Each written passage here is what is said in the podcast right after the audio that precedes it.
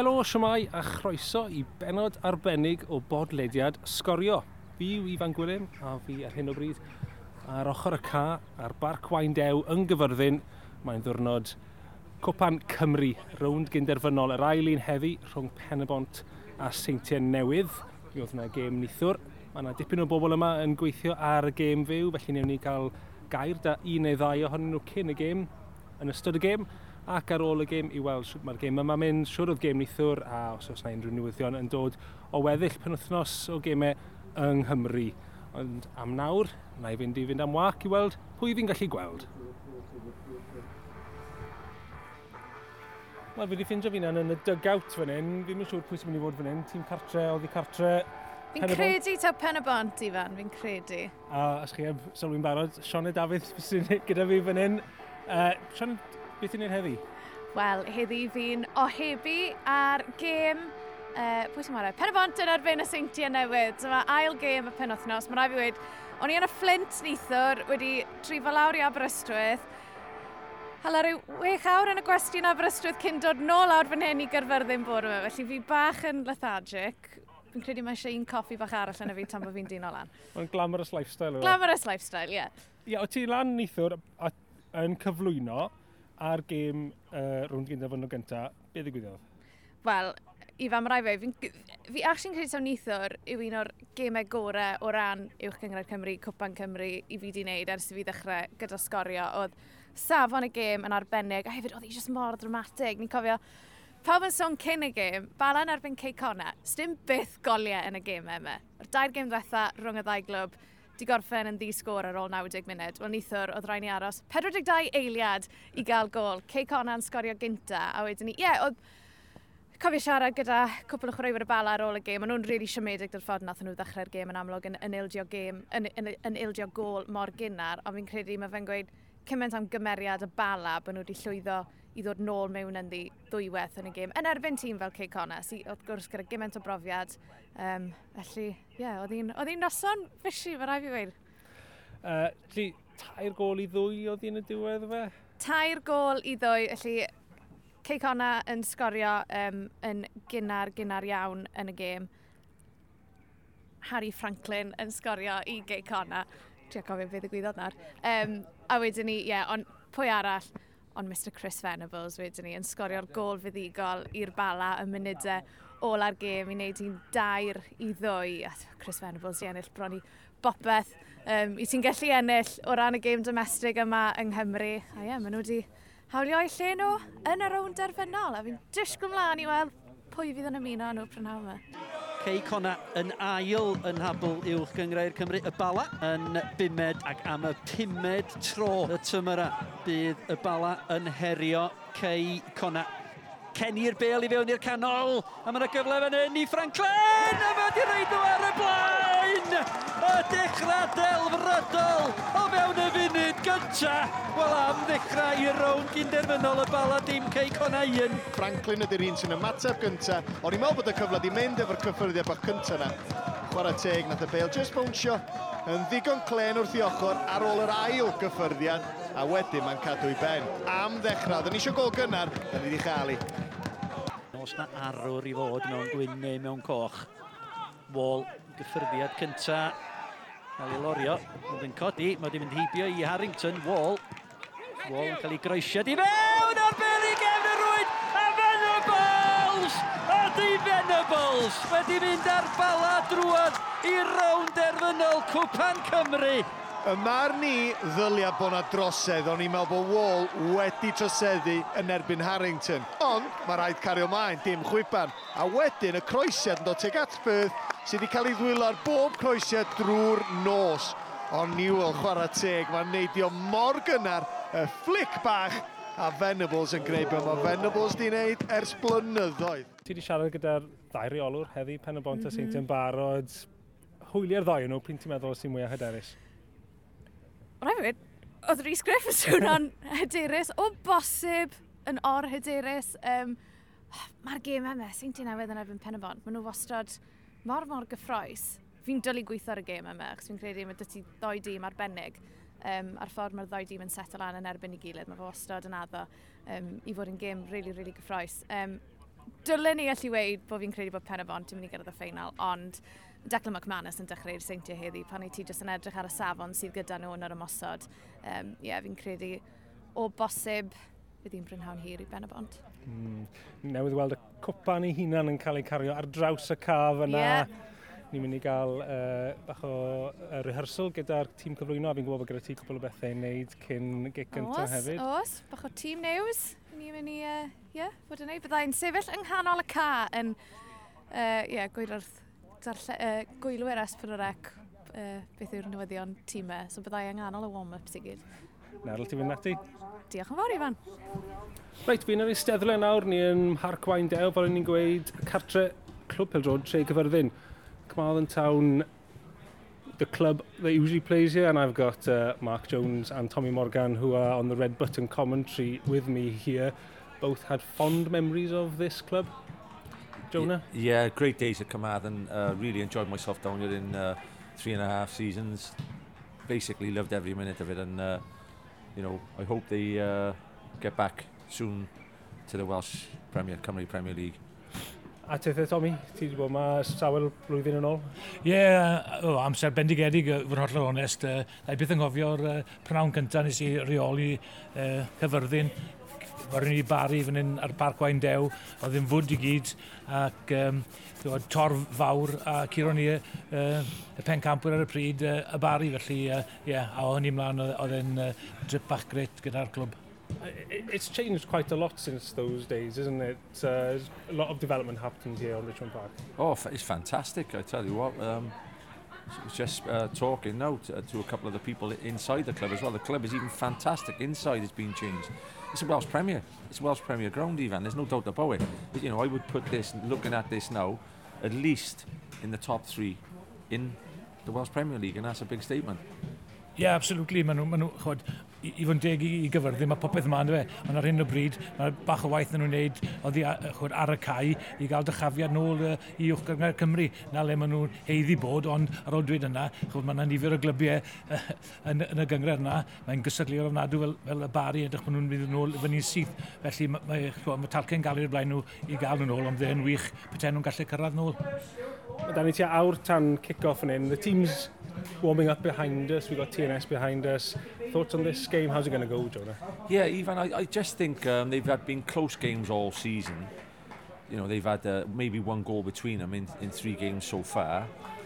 But this is a Welsh Cup semi-final. It's always something a bit different. And I think if Griffiths goes into his into his changing rooms, the, the big the big spur is they haven't beaten TNS in 15 times. If you beat them the 16th time, in a Welsh Cup final. Well, you know, that, for me, that is a, you know, that's half of the course as the team talk. And uh, we're about to go up the gantry. It's a it's a long old ladder, and uh, I'm Tommy is looking pale already. well, I, I'll tell you this, Ivan. Right, I hope the fire brigade never gets short of workers, mate, because you know, yeah. every fire, every fire is not a ground level. Fi'n edrych mlaen i'r gêm, ond fi'n edrych mlaen i ddringo'r uh, ysgol na, yn olwg yna, chod fi wedi cerdded dros uh, Crib Goch, felly uh, edrych mlaen i wynor. Reit, fi wedi cyrraedd y Clubhouse a fi wedi dod o hyd i ddau sydd yn sylwebu yma heddi. Mark Amalan a Nick Parry, siwr i chi'ch dau. Da ni, oce. Diolch yn fawr. Oer. Teithio lawr nithwr? Do tad, oedd fi'n trefnu am unwaith, fi'n trefnu pon ni'n cyrraedd cyn saith yn uh, Weatherspoons ebyn 427, couple of pints, a wedyn oedd y ginger. Gynna fi docyn tymor yn y ginger, Indian, lle Indian ydi o, ac Nick fel arfer, mae'n ddiolchgar dros ben yn talu am bob dim. Gathoch chi gyfle i weld bach o'r uh, rhwng gyndefynol neithwr? Neu chi wedi gweld yr eich afwyntiau? Gweld yr eich afwyntiau, weld yn gêm dda, mm. uh, gweld yn gêm gyffroes iawn, ond oedd, dwi'n siŵr bod Cey Conna yn cicio hunain, ond uh, dwi'n meddwl bod jyst yn well bod bala yna. Dwi'n bach o ran isgwyl. Um, uh, Doedd ddim sioc gymaint yna, ond rydyn ni wedi profitio y sabalan ennill, ond ar ôl y cicio spotted, na nes i ddweud dwy'r un, a wedyn cicio spotted, ond nath balan ennill. Ac os di pumad yn mynd i'r curo'r ail, pan wedi dy trydydd yn curo'r cynta, heddiw, yma'n hyn. Um, sa hwnna yn sioc ellai lot o bobl, erwydd dydy'r seitiau newydd um, erioed i colli i pen y bont, ond neithiwr, bala Colin Caton, be wrach chi ddweud am y dyn, 20 mlynedd yn y swydd, a mae'n dal yn cyrraedd cwpan ffeinal lle gyrodd o yn 2016-17, felly ti'n bod gynnau gynnau flynyddoedd di mynd, so hen bryd yn gyrraedd ffeinal arall. Cwpan Cymru dwi sôn. Ni'n agosoi at gig cyntaf fan hyn, sy'n awr a hanner i fynd, felly to, beth sy'n fel arfer digwydd gyda chi? Nick, not o nodiadau gyda ti? Oes. Um, mae'n yma i bobl wybod, dwi'n lwcus iawn uh, efo'r tîm yma, dwi'n cael gwybodaeth ymchwil o flaen llaw, ond mae'r paratoi coelio y beidio, yn dal i gymryd rhyw ddwy o'r a hanner bob wythnos yn mynyl yn y tîm. Dwi dipyn bach o um, dristfyn, os mae dyna di'r Cymraeg am sado, yn gwneud sticeri bach ac yn gosod nhw allan yn y drefn dwi'n meddwl fod nhw'n chwarae fel arfer chwarae teg i Malcolm mae o'n gallu rhoi dipyn bach o um, rybydd o flaen llaw bod fydd y tîmau. Wedyn dwi'n gosod rheina, dwi'n rhoi ystadegau ddau dîm o'n dwy res Wedyn, dwi'n hoffi bod hynny gyd i cael ei wneud cyn y dydd. Yr unig beth dwi methu gadarnhau, wrth gwrs, di'r tîmau, mae gennau syniad. Felly, yr un dy'r patrwm wedi bod es dros ddeugen mlynedd, a mae'r hen sticky label yn dal yn system 44 mlynedd wedyn, dros ddim gwella arni hi. So dwi wedi paratoi at hon, fel byddai'n paratoi at, at nhw gyd felly, de. Ia, yeah, a fel da ni'n paratoi fel arfer, da ni mond mor dda ar gêm nesa. Ar gêm nesa di heddiw wrth gwrs, ro'n gynderfynol Cwpan Cymru mae yna rhyw deimlad gwahanol bod troi hein, ond mae'n diddorol gweld Nick yn neud hyn am fel 5 ar 20 o flynyddo pan dwi wedi gweithio o fo, a mae o, os y ddim carreg heb di droi, efo'r gwaith, gwaith cartref, gwaith ymchwil, um, a wedyn oherwydd, da ni'n gorfod nabod y chwaraewyr mae gyd, uh, ipi bach o'i cefndir nhw hefyd, uh, lle maen nhw wedi dechrau yn academy bod nhw'n 8-9 oed a beth o'n felly os di'r gêm ddim yn mynd mor sydyn a'r tempo ddim yn ychel, lle da ni'n mynd i reid rhywbeth i'r pobl adra, lle dyn nhw'n gwybod y blaen. Felly, um, mae'n bwysig bod ni'n gweddi'n gilydd fel yna.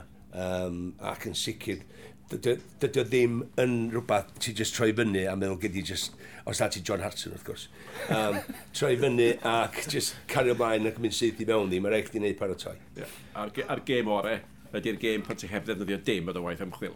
Cos mae'r gêm, mae cyffro'r gêm, ond uh, fel allai di ddechmygu yn aml iawn iawn, da ni falch iawn o'r gwaith ymchwilio allu llenwi'r gofod pan sy'n byd yn digwydd. Ni'n agosau at gemau rhyngwladol. Fy'n hyn nawr, dyn ni'n neud pen y bon ta sy'n newydd mor aml. Ydy e'n lot fwy o waith gyda, wedwn ni, Latvia pan ni'n chwarae nhw Um, mae rhaid i fi gyfadde, dwi'n cael y gwaith paratoi at gêm fel hon yn bwysicach uh, na'r gêm baratoi um, ar gyfer gêm rhyngwladol, acos Ac ddudodd John Motson drian hyn, y newid mwyaf mae o wedi weld mewn degawdau o sylwebu ydy bod dywrandawyr di a dywylwyr di yn gwybod gymaint mwy heddiw nag oedden nhw. Mae yna gymaint o wybodaeth allan fan yna, mae yna bobl yn ymfalchio, pobl dda yn ymfalchio mor rhoi gwybodaeth, ystadegau ac yn y blaen, allan o'r egwefannau cymdeithasol ac uh, anamal iawn yn enwedig efo gemau rhyngwladol pan mae pawb yn nabod pawb um, anamal allai ni ddod ar ryw ffaith nad os y rhywun yn gwybod yn barod wedyn mae wedi newid fel yna Ond wrth gwrs mae'n haws pan mae gwlad Belg neu'r Almain ydy'r gwrthwynebyr a dim Latvia. Mae, mae Latvia yn rhyw ben y bont fersiwn o'r byd rhyngwladol felly. Ond ti dweud hynna, Nick, Ond mae'r gwaith cartra, ti'n dweud bod mor bwysig i wneud gem fel hyn, yndi. Da ni'n abod rhan fwy o chwaraewyr Cymru. Dyna beth dwi'n dweud, dyna pwy dwi'n dweud, hollol. Ond y peth o siarad yn bersonol, dwi yn wneud gwaith cartra ar Latvia deud, ond fyddai ddim yn deud i enwa nhw fel rheol, erwydd cael o'n anghywir, a wedyn na i dweud, o, oh, rhif saith o fanna, wneud yn dda iawn i Latvia Nick, a wedyn mae'n ei cynnig enw wrth gwrs. Wel, diolch i chi am y sgwrs Mae edrych chi fynd. i wneud orffen eich nodiadau chi, pob lwc i'r gêm. Diolch yn fawr iawn.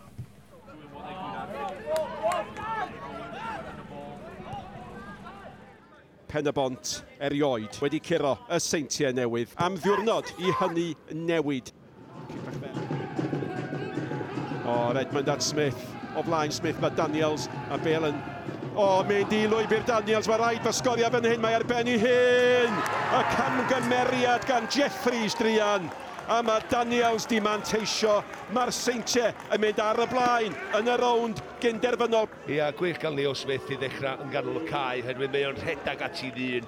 Ddim y bas gorau Ond Jeffries, mae o'n meddwl mynd i gyrraedd i'n hawdd a wedyn chwarae lawr y cae. Dyna mae'n digwydd. yn ebyn y golwr. Mae'n geir amser i godi ben. Honna di'r cyffyrddiad i agor yr ongl bella. Mae'n cymryd yr cyffyrddiad dwytha na heblaw un, just i agor y gornol a chwipau fewn. Nath o'n eich i'n edrych i gonhaw. Ydy hynny'n di ddeffro pen y bont? Iorweth gafodd y pen iddi hi. Mae'n disgyn o arbediad da o ymdrech Whitmore. A mae Whitmore yn dal yna. O leia, o leia. Mae Conor Roberts yn gorau geid un arbediad. Oedd yn gyfle. Mae'n cael ei allan o'i draed i gond da, ond dyma gael gafal arni wedyn ydi. Efo droed chwith a dyma gael llawer o bwer tu ôl i. Ond mae Conor Roberts ar ei ffordd allan i gael o'i lawr yn neud yr arbediad. Oedd yn arbediad da, ond oedd sydd ataf, ond i law allan yn sydyn. Munud o amser ychwanegol oedd hanner munud o hwnnw'n weddill. Daniels ar ei holi, ond mae Daniels yn mynd heibio'r golwedd sydd wedi dod na'r te. Ydy Smith yn mynd i dderbyn y bel, mae Daniels yn dal at hi. Daniels eto! Amdrychineb i ben y bont. Aros yn y gêm oedd y nod, eiliadau o'r hanner oedd yn weddill, ond maen nhw eto drwy gamgymeriad wedi gadael i Daniel sgorio a mae'n anodd gweld y ffordd yn ôl nawr. Dwi'n gwybod be mae Absalom uh, yn neud yn y gol o fan an, just, yn, just yn reid i hyn i fyny os ti'n licio mewn safle nilla. Lle mae Jeffries, lle mae Little, lle mae Iorweth, lle mae Ashley Evans o ganol y cae. Ond cymryd dim byd wrth y dyn yma. Gwych o gol arall gan fo.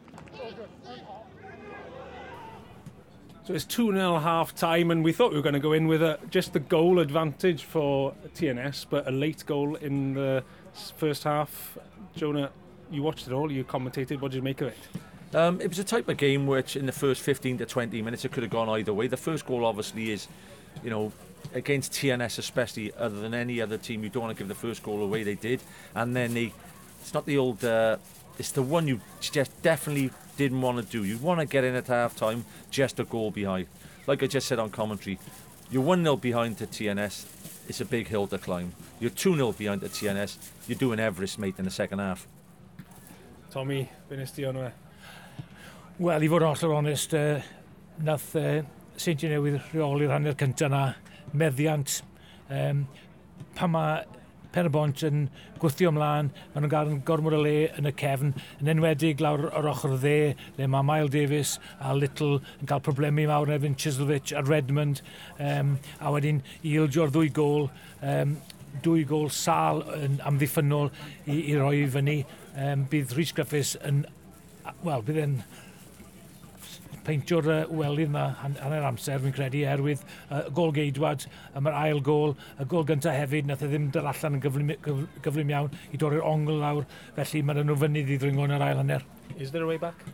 Um, listen, uh, two weeks ago TNS were 2-0 uh, ahead against Cardiff Met and Cardiff Met came back to 3-2 half time. Griffiths is bound to mention that in his changing room. There's always a, a way back, but like I said, it's a gigantic way back because they you know, apart from the one chance, Kai Whitmore's chance, there hasn't been any enterprise or activity in front of the TNS goal. No, just that one chance from Whitmore's Kai Whitmore. Great save, so, yeah.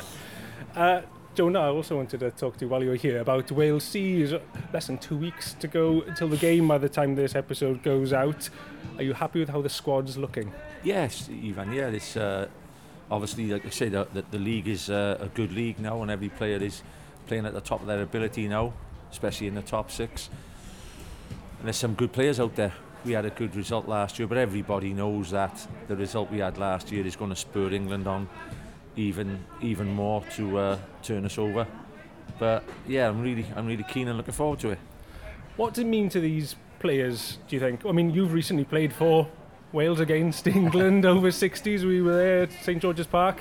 You know, you know what it means to play against England. What, what does it mean to those players to get put, chosen by the squad?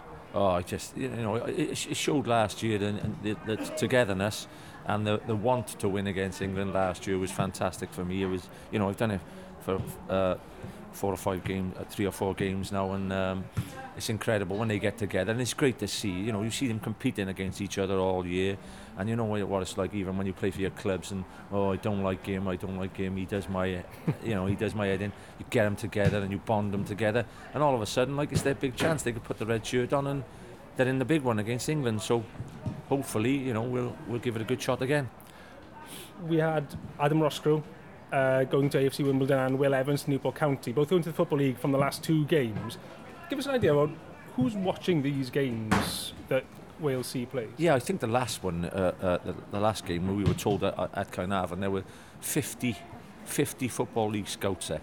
That's more than half the Football League. Well, there you are, 50 Football League scouts there. And, and of course, Will Evans has gone on and just shown, you know, what good players there are in this league. You know, he's, he's almost a regular starter. In his first six months, he scored goals. And, you know, we're all looking for him to, to, to go on and do even more things. You know, he's talking about him becoming a championship player. He's talking about the lad uh, who left Connors Key at the, at the back who's, who's playing for Newport County. You know, there's championship clubs looking at, you know, looking for him. So, so uh, listen, you're speaking to the converted. This league's been underrated for years and years, mate. And hopefully, like I said, somebody will put a show on on the night and get themselves a league move again. Let's hope so. Snaith eto. Bale mewn at Wood. Wood am unwaith yn cael cyfle i fynd am gol. Ie, yeah, Conor Roberts wedi cael llawer i wneud, ond oedd i gorfod reit tu ôl i hwnna. Ydy o'r penderfyniad cywir i peidio mynd ar draws y gol. Llas hwnna wedi bod y well.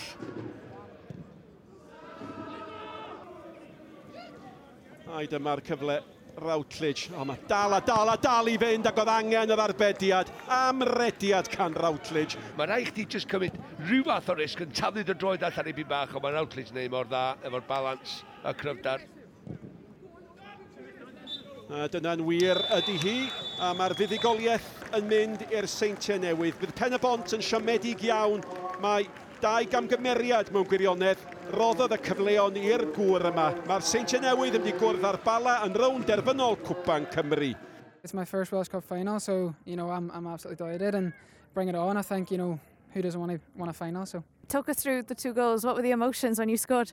Yeah, just a bit um, overwhelmed. The, the gaffer told me to start shooting more, so it's paid off. Um, but it was just you know mixture of emotions getting the two goals. Bala in the final, Craig. You're actually playing them next week, so you've got a nice little dress rehearsal. Yeah, it will be. It will be. You know, I'm still pretty. Um, I've still got. I've still got it in my memory where we they stopped me from doing the treble, treble, 16, 17. So, so yeah, we want to. We want. We want to win the cup. Gêm newydd orffen, dwy ddim a sgorio newydd orffen darlledu ac yn cyflwyno fyna. Sy'n gyda fi fan hyn yw Dylan Ebenezer ni ochr y ca. Dylan, siwr oedd y gêm. Nes ti fwynhau e? Um, Na, dim fod yn hollol, no. hollol onest, na. Oedd eitha oedd, ie, o'n i'n bron gwyd celwydd yna, mynd, wel, doedd hyn. na, oedd e, wel, dim ba'r seint yw e, bod nhw'n dda, a pan maen nhw'n rheoli gemed, dyna sy'n gallu digwydd. A ni'n disgwyl mwy gan Ben y Bont, jyst achos be maen nhw wedi gwneud yn y gorffennol yn erbyn nhw. Maen nhw nhw'n gwneud mor dda yn erbyn nhw. A pan chi'n ystyried, o'n i siarad nawr o Terry Jones, chi'n angofio weithiau, pa mor newydd yw Pen y Bont, maen nhw'n glwb newydd i ddechrau dau glwb yn uno. Dyma cwpl o dymorau yn y gyngred, maen nhw'n gwneud mor dda. Ond dim heddi, oedd just, just, o'n nhw methu, uh, couldn't lay a glove on them, o'n nhw'n gwneud yn Saesneg. E? A the passes bach, oedd e just dim tanio iddyn nhw'n anffodus. O'n i'n disgwyl gwell heno na beth oedd e ddoi yn erbyn Ceicon a Bala. Dyna o'n i'n meddwl, achos o'n i'n disgwyl... O'n i'n meddwl, nes i wedi dim dim cyn y gêm yna, a oedd hi'n cracker, a fan hyn o ti'n jyst yn disgwyl, ie, bydde pen y bont yn dod mas bach yn fwy hyderus na hanner cyntaf. Dath nhw'n ôl bach, o'n i'n meddwl, ail hanner, ond mae Lews Clutter yn chwaraewyr gorau. Do. Yn bont, ond oedd ymlaen, a chwaraewyr gorau mawr na, o'n i'n disgwyl gwell wrth gwrth yeah, um, Fi'n holi o wain tydyr yn aml, tyd, beth yw'r gwaniaeth mewn gemau fel hyn, mae fe jyst yn gweud yr eiliadau mawr na. Eiliadau fel hyn yw'r mm. gan, nag oes, sa'n mynd i ganu, pryd o'ch poeni, ond mae fe'n wir. Tyd, mae Seintiau'n cymryd i cyfleoedd, Mae Pen y Bont yn ei dau gamgyferiad erchill ar gyfer y ddwy gol wedyn ni, ma, Whitmore yn cael cyfle. Just pethau bach, mae'r peth allwch chi ddadansoddi gefn pildod am oriau, a mae yna bobl yn gwneud bywoliaeth dda trwy wneud hynny. Ond mae'n dod lawr i'r eiliad fach na'n gwe, pwy sy'n gallu cymryd y cyfle. Mae'n fi'n siŵr bydden nhw'n rhwystredig, oedd Rhys Griffiths yn siarad ar ôl y gêm yn gweud, o, ni oedd y tîm gorau yn yr ail anner, a ti'n meddwl, o, tiad, sa'n siŵr, tiad, mae fe'n twyllio unan i raddau. Da, mae fe'n gwybod, mae fe'n ma fe gallu dadle o dan nhw'n fwy o feddiant, dim ond meddwl e, yn y seintiau, a hollol mor gyfforddus. A maen nhw'n dîm da. Ydyn. Na'r peth amdano nhw. A dylen nhw fod, maen nhw'n llawn amser, ond i fod yn deg, maen nhw'n dîm da. Maen nhw ar frig y gyngred am reswm. Ydyn, ydyn. So, final, mae Bala yn gwynebu seintiau yn amlwg. Ti'n meddwl am beth ti'n ôl i 2017, Nantporth a Bala yn ennill tro yna, yeah. eiliadau mawr, sy'n siarad am ti Kieran Smith yeah. yn ennill y gym. Chance i wneud e eto, ti'n meddwl? O, fi'n credu, os, yn bendant, siw bydd y seintiau ddim yn cytuno dyn ni.